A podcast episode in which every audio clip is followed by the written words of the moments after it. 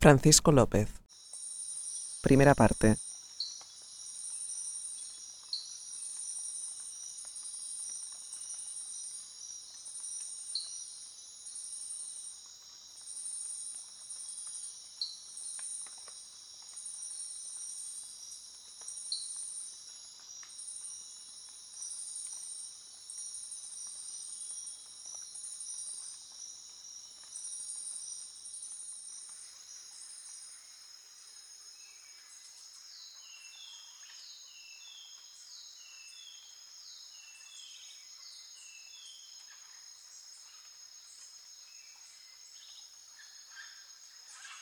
Claro, la primera cosa mm, para mí es que yo no tengo formación eh, de música, ¿no? Clásica. Siempre me ha interesado la música toda la vida, ¿no? Y de hecho estudié un poco de solfeo cuando era pequeño y eso, ¿no? Pero mm, estaba, estaba claro que eso no era para mí. Por lo menos ese tipo de, esa concepción de música, ¿no? La, la época en que yo empecé a trabajar en cosas que se parezcan a lo que hago en la actualidad, pues es más o menos finales de los 70, principios de los 80, ¿no? En esa época, pues eh, lo que había era una sensación de soledad bastante importante, ¿no? Eh, porque aunque había otras cosas, pues mm, la mayoría de las cosas, por lo menos las que yo conocía, pues tenían más que ver con una cultura post-punk, uh, tecno-pop, uh, todo esto mezclado en la forma en que estaba mezclado en esa época, que mm, desde la perspectiva de hoy, pues seguía siendo bastante musical.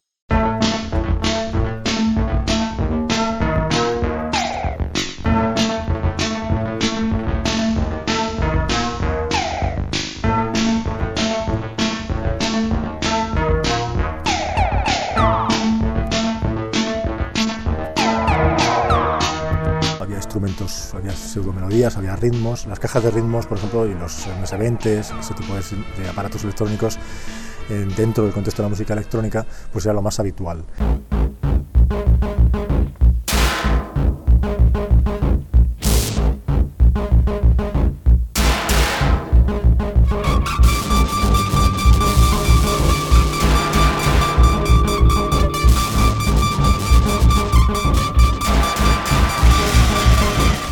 Eso seguía manteniendo una estructura más o menos, vamos a decir, musical. ¿no? Entonces a mí eso, mm, pues algunas cosas me interesaban más o menos, pero no era lo que más me llamaba la atención, ¿no? lo que más me interesaba. Entonces a mí yo creo que se me ha combinado, mmm, mi interés en el sonido se ha combinado con mi interés en la naturaleza. Y porque eh, yo, como soy biólogo, pues y me ha interesado la biología desde entonces, y han sido, digamos, carreras paralelas, pues siempre he tenido un interés en una cosa que provenía del mundo real, del mundo natural, de una forma en la que, por ejemplo, el espacio, la sensación de espacio con sonido estaba muy presente, eh, proveniente de ese mundo real. ¿no? Entonces, siempre me ha interesado más eso que eh, los instrumentos, tanto tradicionales como electrónicos de cualquier tipo.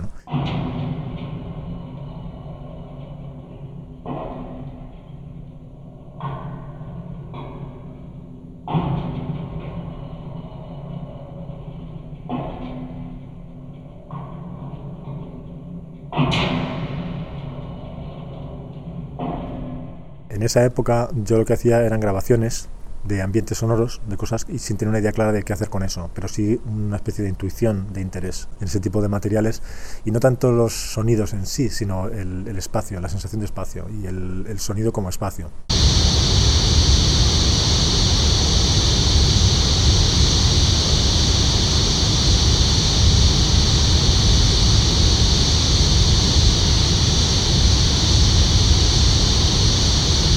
Pues todo el trabajo que yo hice en esa época lo hice en, solitario sin tener mucho conocimiento de, otros, eh, de otra gente que hiciera cosas parecidas.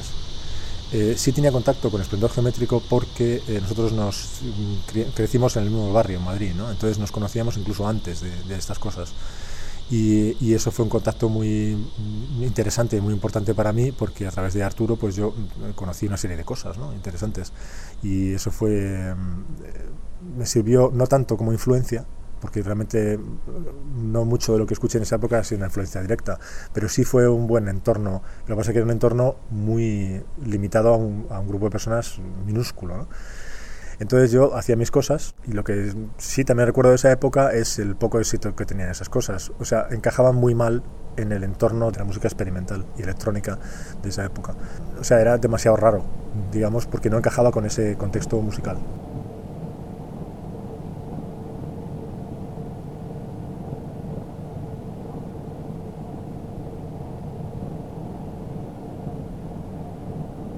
Otra cosa que ocurrió en esa época que es importante en términos de la situación social es el, el tipo de tecnología, tecnología en cassette y eh, la forma de trabajo con esa tecnología. ¿no? With the new tape cartridge, Living Stereo will be available at a cost of a little more than one LP record. All cartridges include a special feature that makes accidental erasure of pre-recorded tapes impossible.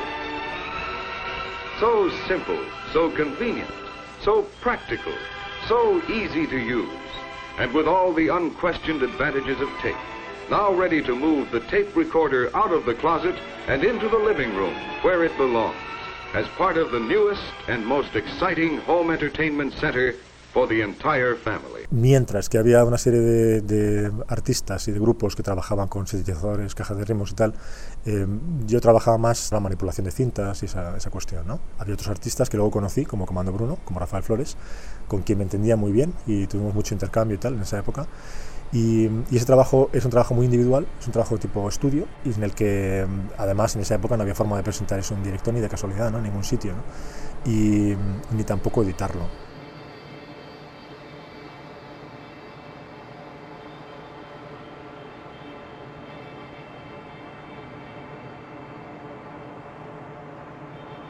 Ese tipo de trabajo me conectó eh, con digamos, la red internacional en aquella época, lo que se llama el Home Music Network, en cassette, con una serie de artistas, sobre todo en el extranjero.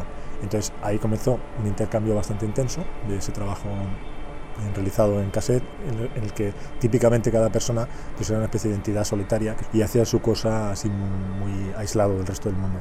Entonces, sin duda, una característica de esa época era, digamos, el aislamiento. No, no existía la situación que existe ahora y cada situación tiene sus ventajas y sus inconvenientes. ¿no? Aquella tenía la, la, ventaja de poder concentrarte mucho en el trabajo. Si te gustaba ese trabajo, la mayoría de los artistas, no solo yo, sino otros artistas de esa época, estaban como muy reconcentrados, dedicaban mucho tiempo y el trabajo era, eh, permitía un desarrollo individual muy independiente de cualquier otra cosa. Había muy poco eh, intercambio de, de, de, información y muy pocas presiones, digamos, externas sobre el trabajo. Y eso es interesante también, porque te daba mucho tiempo y, y un contexto de, de, desarrollar tus propias ideas de una forma completamente independiente. De hecho, yo creo que eso era más independiente de la situación que se vive ahora, porque había menos presión de los medios y menos... Eh, presión de estilos, de, de, juicios, de valor sobre las cosas, ¿no? Pero hacer lo que te dé la gana.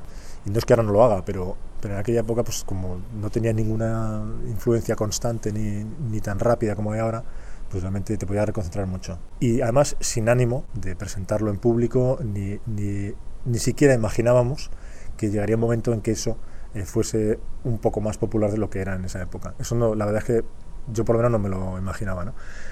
Entonces, bueno, pues toda esa situación conformó, eh, para mí fue, digamos, la, donde aprendí una serie de cosas, eh, intercambiando con otros artistas y colaborando eh, por correo con otros artistas, ¿no? con Mauricio Bianchi, con, eh, con artistas españoles, con Rafael Flores sobre todo.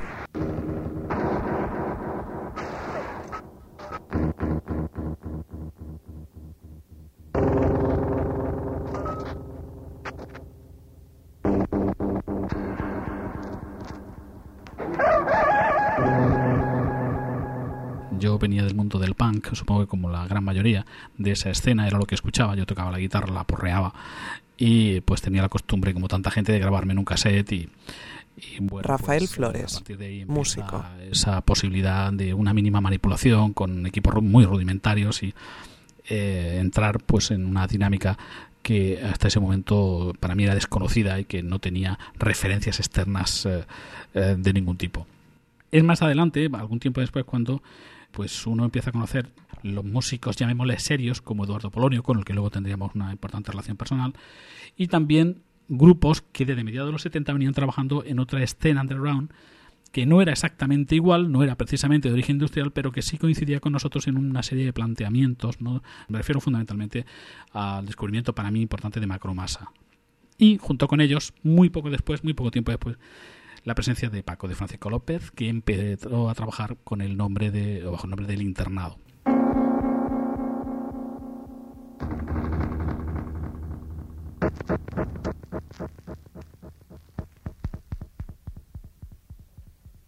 Para mí fue una sorpresa, eh, sobre todo porque de ese grupo era el que rompía de alguna manera con ciertos esquemas que ya parecían estaban, se estaban estandarizando, ¿no? Me refiero dentro de la música industrial, es decir, eh, la fábrica, el humo, la chimenea, la referencia a determinadas eh, épocas eh, y determinadas estéticas, pues de cierta violencia visual, por lo menos, él no, él, él, lo que aportó de novedoso y hasta cierto punto eh, de fresco era que él incidía sobre imágenes relacionadas con la naturaleza, sobre todo el mundo de los, eh, de los invertebrados, los insectos, los coleópteros, los artrópodos, los fondos abisales marinos, todo, aquella, todo aquello era completamente nuevo y a mí me llamó enseguida eh, la atención. Creo que tuvimos una cierta empatía pronto y no tardamos mucho en conocernos y empezar a trabajar.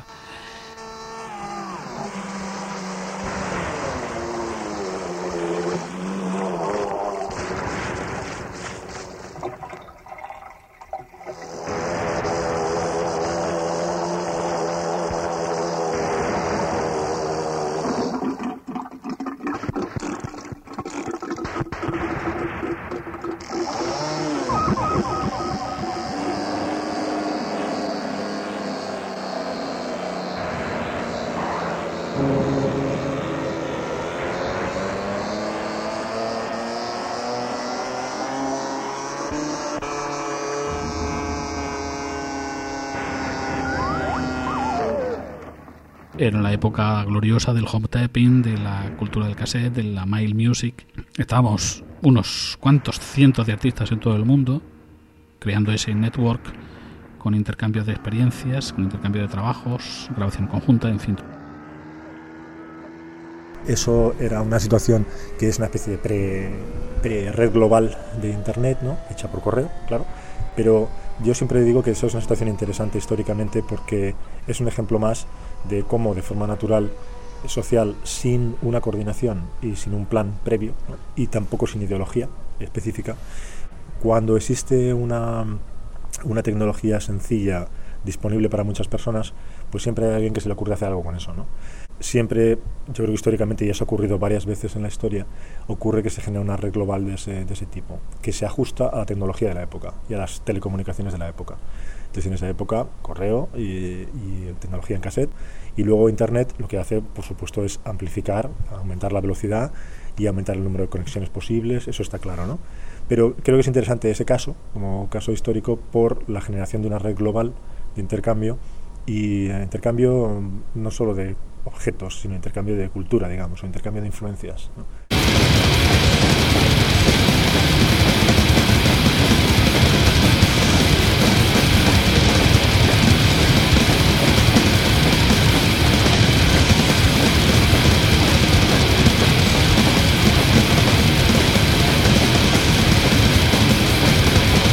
Yo creo que ha habido ya varias generaciones de, artistas que trabajan con sonido eh, que proceden de una cultura rock, que su background de educación y, y, de desarrollo creativo en general y de intercambio y de conocimiento musical no tiene nada que ver con el mundo académico, que han trabajado y han crecido, se han desarrollado como artistas de forma completamente independiente del mundo académico. Y lo que ha ocurrido es eh, llegar a conocer cosas académicas o cosas tradicionales que no, no, están directamente conectadas con la cultura rock, con la cultura popular, y las han conocido a posteriori. Entonces, ese es mi caso y es el caso de, muchísimas personas, que su trabajo no es una consecuencia de esa historia previa. Y esto es uh, fundamental. Esto es importantísimo. Es importantísimo porque lo que se genera, lo que se ha generado y se sigue generando en la actualidad es una, una estética y una forma de trabajo y unos criterios de trabajo, ¿no? De cómo hacer las cosas, qué cosas están permitidas, qué cosas no, etcétera, ¿no? O qué criterios se tienen para construir cosas, para manejar los sonidos, etcétera, eh, para presentarlos en directo también. Pues todos esos criterios para una inmensa cantidad de personas proceden de la cultura, de una cultura que no es la, la académica ni la histórica.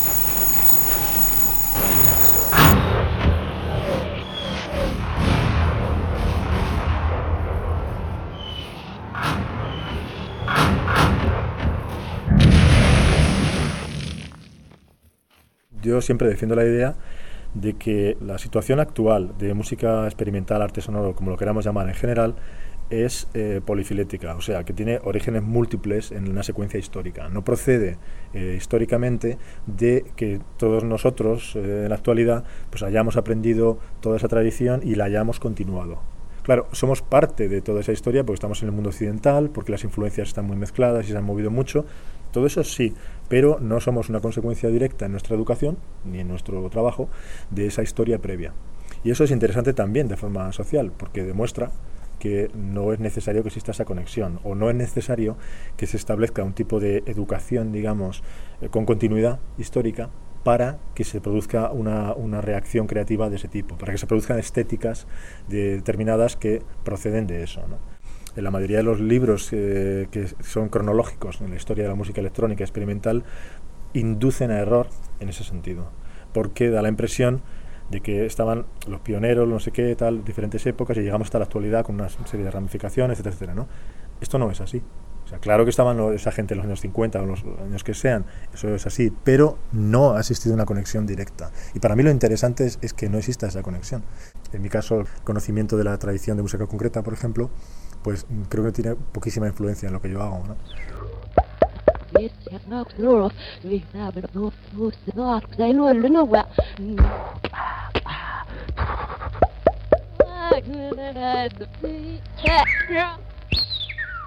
me interesa mucho el trabajo teórico de Pierre Safer, ¿no? pero como cuestión filosófica sobre todo, no estética. Me gusta la música de Pierre Henry, eh, eso sí es una cuestión estética, pero nunca ha tenido la música concreta una gran influencia. Yo no me considero un músico de música concreta, creo que hago varias cosas distintas y hay algo en esa tradición que me parece interesante, con la que conecto, pero como decía antes, a posteriori. No soy un gran fan de John Cage. Yo creo que John Cage fue una gran personalidad por muchos sentidos, pero sus ideas a mí de luego no me, no me afectan en nada, no me influyen directamente en nada. Y Schaeffer, Murray Schaeffer, pues mmm, tampoco. Yo me siento un poco anti Murray Schaeffer en el sentido de que no me interesa el, el paisaje sonoro como documental, no me interesa particularmente la conexión de la, de la, realidad sonora con la realidad social necesariamente como una imposición. Entonces hay una serie de cosas ahí que no me... Y bueno, por supuesto, si hablamos de música, ¿no? del trabajo musical, a mí no me interesa ni Cage ni, ni Schaefer, ¿no? ninguno de los dos. ¿no? Sí te puedo decir que me interesa mucho. Asmus Titchen siempre me ha parecido un creador fabuloso. ¿no?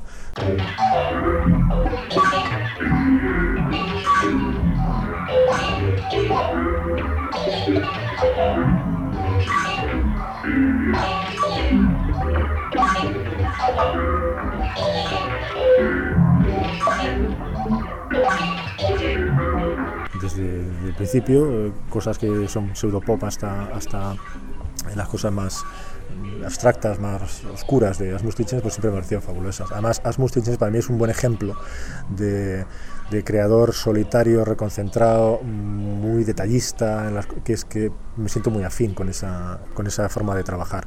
Me gustan montones de cosas, pero creo que él es un buen ejemplo de un creador muy dedicado al sonido y muy dedicado a la creación de mundos virtuales, muy personales. Un trabajo, digamos, de toda la vida. A mí siempre me ha gustado eso. ¿no? Yo de joven era corredor de maratón y es como mi espíritu es, más de corredor de maratón. Me gusta el trabajo de personas que lo hacen con una perspectiva muy larga y que van desarrollando una cosa muy sólida.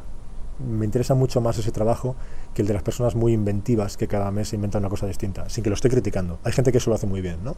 Pero a mí personalmente me siento más afín con alguien que ha construido una cosa, una especie de gran construcción que se hace pieza a pieza y que es muy sólida, ¿no? es más mi manera de ser. Entonces, Asmus Titchen es un ejemplo de eso. Fuentes de influencia, pues hay montones, eh, la inmensa mayoría, eh, como digo, no académicas, no históricas. ¿no? Eh, Eraserhead, la película, fue un gran impacto para mí. Yo la vi cuando se estrenó, más o menos, y, y en esa época tenía, no sé si 16, 17 años, y me impactó muchísimo.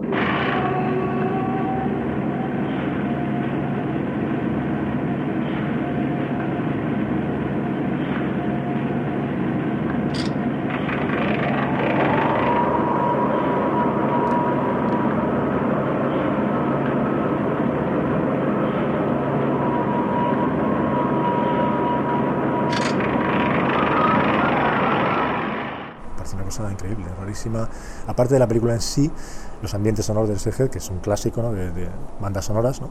pues eh, me parecieron increíbles. Una cosa muy sólida, muy contundente, eh, extraña, y, pero a la vez muy bien hecha.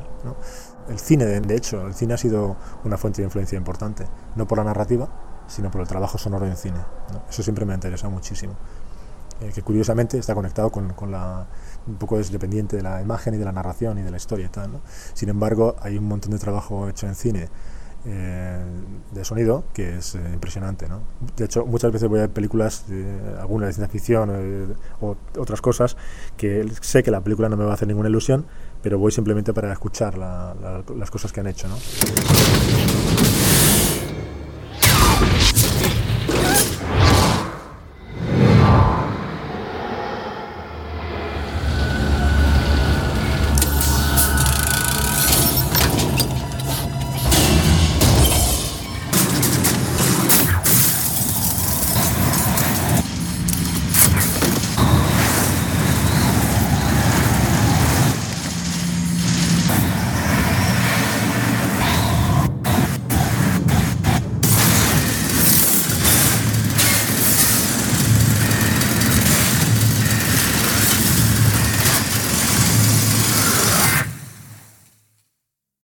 Esto que llamo música concreta absoluta, que tampoco me, gusta utilizarlo demasiado, o sea, quiero decir que yo estoy cambiando de ideas respecto a ciertas cosas, a qué le daría más importancia, ¿no? más énfasis, pero eso de música concreta absoluta es una confluencia de dos momentos históricos, de dos situaciones históricas que para mí son claves en la historia de la música.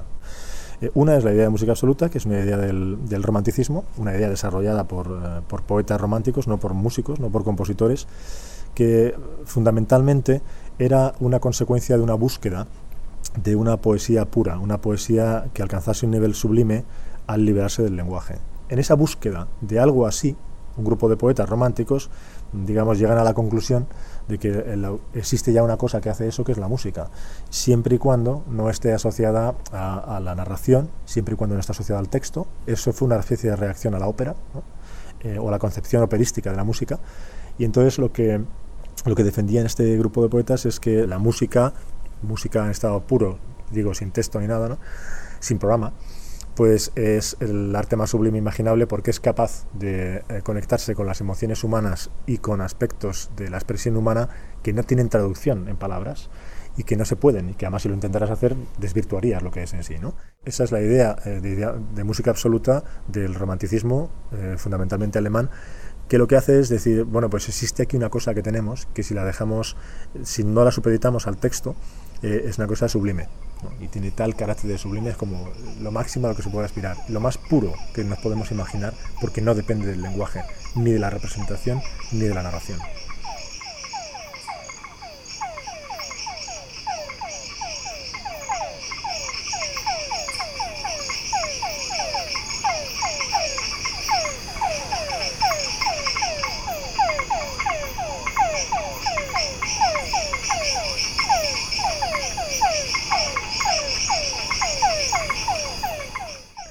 Poderosísima que no, eh, existido, no existía antes y tampoco ha existido después. La inmensa mayoría de las corrientes que ha habido en el siglo XX que tienen que ver con sonido y con música no estaban en esa línea, sino casi en la contraria, era un poco la antítesis de eso. Entonces es una idea que existió durante una época muy concreta y por unas razones muy, muy específicas que no se han vuelto a repetir. Y um, la música concreta, pues evidentemente es esta idea de un mundo paralelo, un mundo de sonidos, un mundo independiente de la realidad y un mundo en el que sean los sonidos naturales o sean los sonidos de instrumentos, da igual, pues la, la idea de música concreta es bueno la destrucción de la, la, interpretación, de cierta manera, o la independencia de la, la, interpretación. Y sobre todo, para mí lo más importante es el reconocimiento de la idea de objeto sonoro, que es el reconocimiento de que existe un mundo paralelo posible que está poblado por sonidos y no por conexiones entre sonidos y la realidad, o no por representaciones, sino por los sonidos en sí y que trabajas en ese mundo, que lo puedes transformar, que puedes hacer muchas cosas, pero que lo estás considerando como entidades propias, ¿no? independientemente de su fuente, donde no importa cómo has tocado eso, o cómo lo has producido, o quién lo ha producido, o, qué cosa lo ha producido. Lo que importa, en lo que se está fijando en, en la atención, es en el sonido en sí. ¿no? Entonces para mí eso es un cambio increíble en la historia de la música. Entonces esas dos cosas que son tan distintas, creo que las dos llevan a lo mismo, llevan a una especie de dedicación, sublimación en el sonido, ¿no? que es lo que a mí me interesa, de forma eh, innata. Entonces, de nuevo, este es un caso de algo descubierto a posteriori. Yo no sabía sobre la música absoluta ni sobre la música concreta cuando empecé a trabajar, pero encontré en esas dos situaciones históricas cosas con las que me siento totalmente afín, ¿no? porque es una dedicación absoluta y una, em, una especie de, devoción, digamos, ¿no? por, el, por el sonido, hasta ese punto.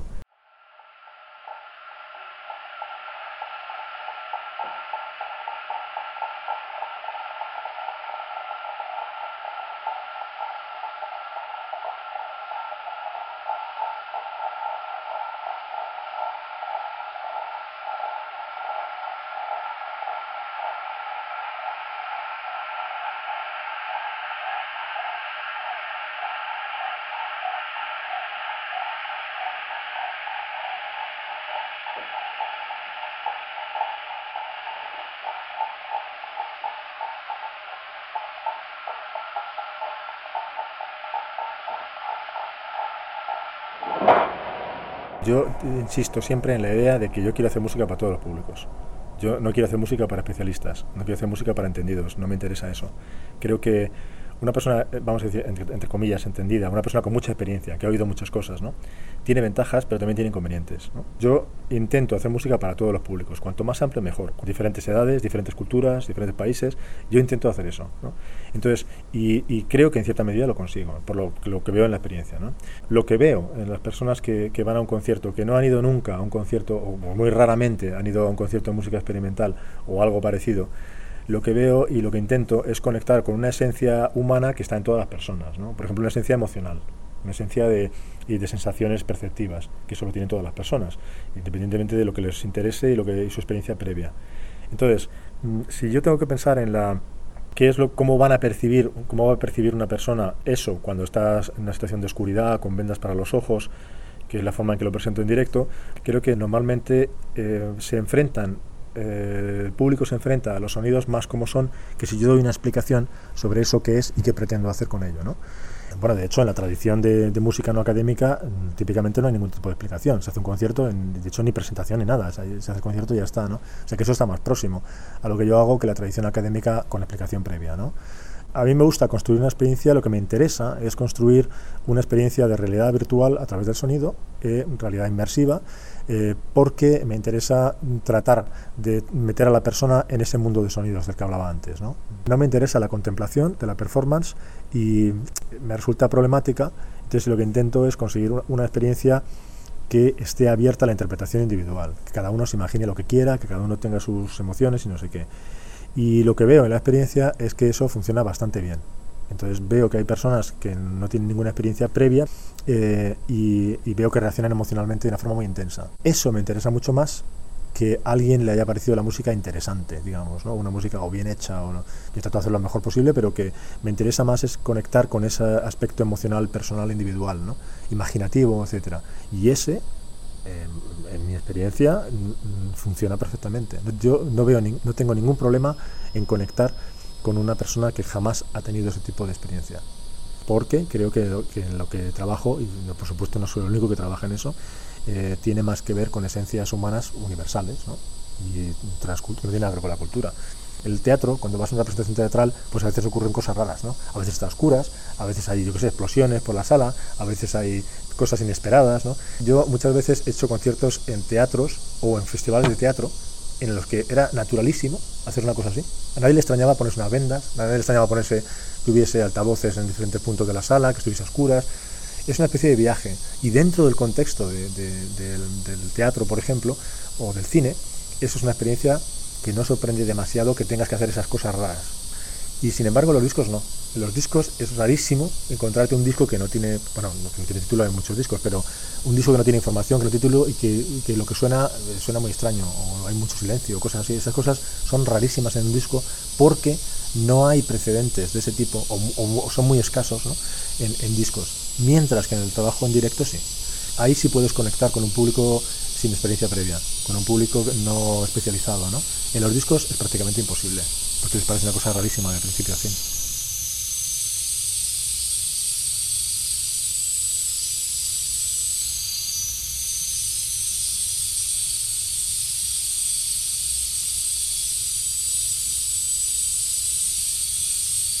Yo creo que lo que más me influye de ser biólogo para la mente no es en sí la disciplina de la biología, sino la experiencia, ¿no? la experiencia de estar en los lugares trabajando. porque no es lo mismo irse unos días de vacaciones o visitar ocasionalmente unos lugares que estar sumergido en ellos porque tienes que estar más tiempo prolongado. Em, eso es una ventaja desde el punto de vista de, empaparte del lugar, digamos. ¿no? Y para mí ese es el aspecto más importante y más relevante de esa influencia. Más que los sonidos en sí, porque además hoy en día se pueden conseguir sonidos de cualquier parte del mundo a través de Internet de miles de maneras distintas, que eso antes no era así, claro. Es una especie de paradoja que yo creo y trabajo en un mundo independiente de sonidos, pero me gusta empaparme de la realidad, en lo que me puede influir esa realidad, eh, insisto, no como representación, sino como cualidades de la realidad que son sustanciales a la realidad. Yo es que veo que hay una sustancia en la realidad mucho más importante y más trascendente que la representación. O sea, a mí la simulación no me interesa, no me interesa tratar de simular una realidad, porque creo que, bueno, primero no es el objetivo de mi trabajo, ¿no? que no es simulativo, y segundo, que eso siempre decepciona, siempre hay cosas. Y además se juzga el trabajo en, función de la calidad de la simulación. Y, eso a mí no me interesa. Yo quiero que el trabajo se juzgue en función de la calidad que tiene ese mundo virtual que estás construyendo, no como simulación. De hecho, es, es muy fácil crear un mundo virtual en el que ocurren cosas bastante potentes que, que, van muchísimo más allá de la simulación, o sea que son como una hiperrealidad de un, de un nivel impresionante, ¿no? comparado con la realidad. Para mí, ¿cuál es la sustancia de la realidad? Los sonidos que puedo extraer. No, la sustancia de la realidad es, por ejemplo, eh, la sensación de espacio sonoro que tienes en la realidad no es una sensación que sea fácilmente reconstruible o simulable o generable sintéticamente. Se pueden hacer cosas y eso, pero quiere decir que ya existe una, una, cosa que tiene en la realidad que tiene esa cualidad. Y esa cualidad para mí es más importante que, que los sonidos en sí que extraigas. Otra cosa es el tiempo también. Por ejemplo, la secuencia, la velocidad a la que ocurren las cosas, la secuencia temporal, la sensación de tiempo, cómo cambia la sensación de tiempo que tienes en la realidad por estar en ella. ¿no? Ese tipo de cualidades no son las que tú grabas cuando haces una grabación cuando tú haces una grabación, graba lo que puedes, lo que te permite la tecnología, lo que el micrófono es capaz de, captar, ¿no? que siempre es un, poco un trocito de esa realidad, así, así. ¿no? Pero esa otra sustancia que tú puedes vivir, esa es la que tiene una influencia crucial en, mi trabajo. Entonces, es importante estar en, ese lugar por esas razones. Y creo que eso le pasa a todo el mundo, en realidad. ¿no? Otra cosa es cuánto eres consciente de eso o cuánto te dedicas a eso. Y luego, eh, ese otro mundo virtual construido con sonidos, pues es un mundo en el que me estoy fijando en la sustancia que tiene ese mundo. ¿Cuál es el espacio virtual que puedes percibir o puedes construir, que no existe en la realidad? ¿Cuál es el tipo de sustancia y cómo la puedes modificar? Entonces ya me dedico a ese otro mundo. Entonces mi trabajo es una especie de moverme entre esos dos mundos eh, de una forma lo más libre posible y tratando de fijarme en la sustancia de esos mundos.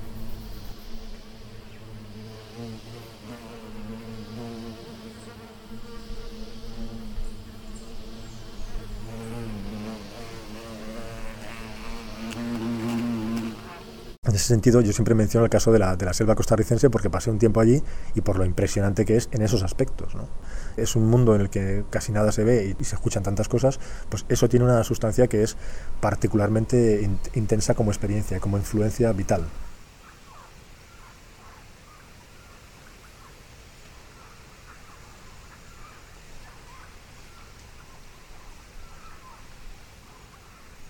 También el desierto en general, muchos desiertos son muy impresionantes por, en fin, la sensación de espacio, la sensación de velocidad, la sensación de sustancia sonora. Cuando hay mucha escasez de sonidos, cualquier sonido que ocurre, evidentemente tiene un grado de detalle mm, impresionante. ¿no? Entonces, yo creo que fundamentalmente son ambientes naturales eh, vividos con el suficiente tiempo, con la suficiente calma y la suficiente intensidad para que tengan una, una influencia en, el trabajo. Y eso para mí es, es lo más eh, fundamental. Yo he hecho muchas cosas que procedían de otros sonidos, que estaban trabajadas con otros sonidos, eh, pero que usaban, para ser trabajadas, usaban la experiencia de un lugar que, del que no procedían esos sonidos.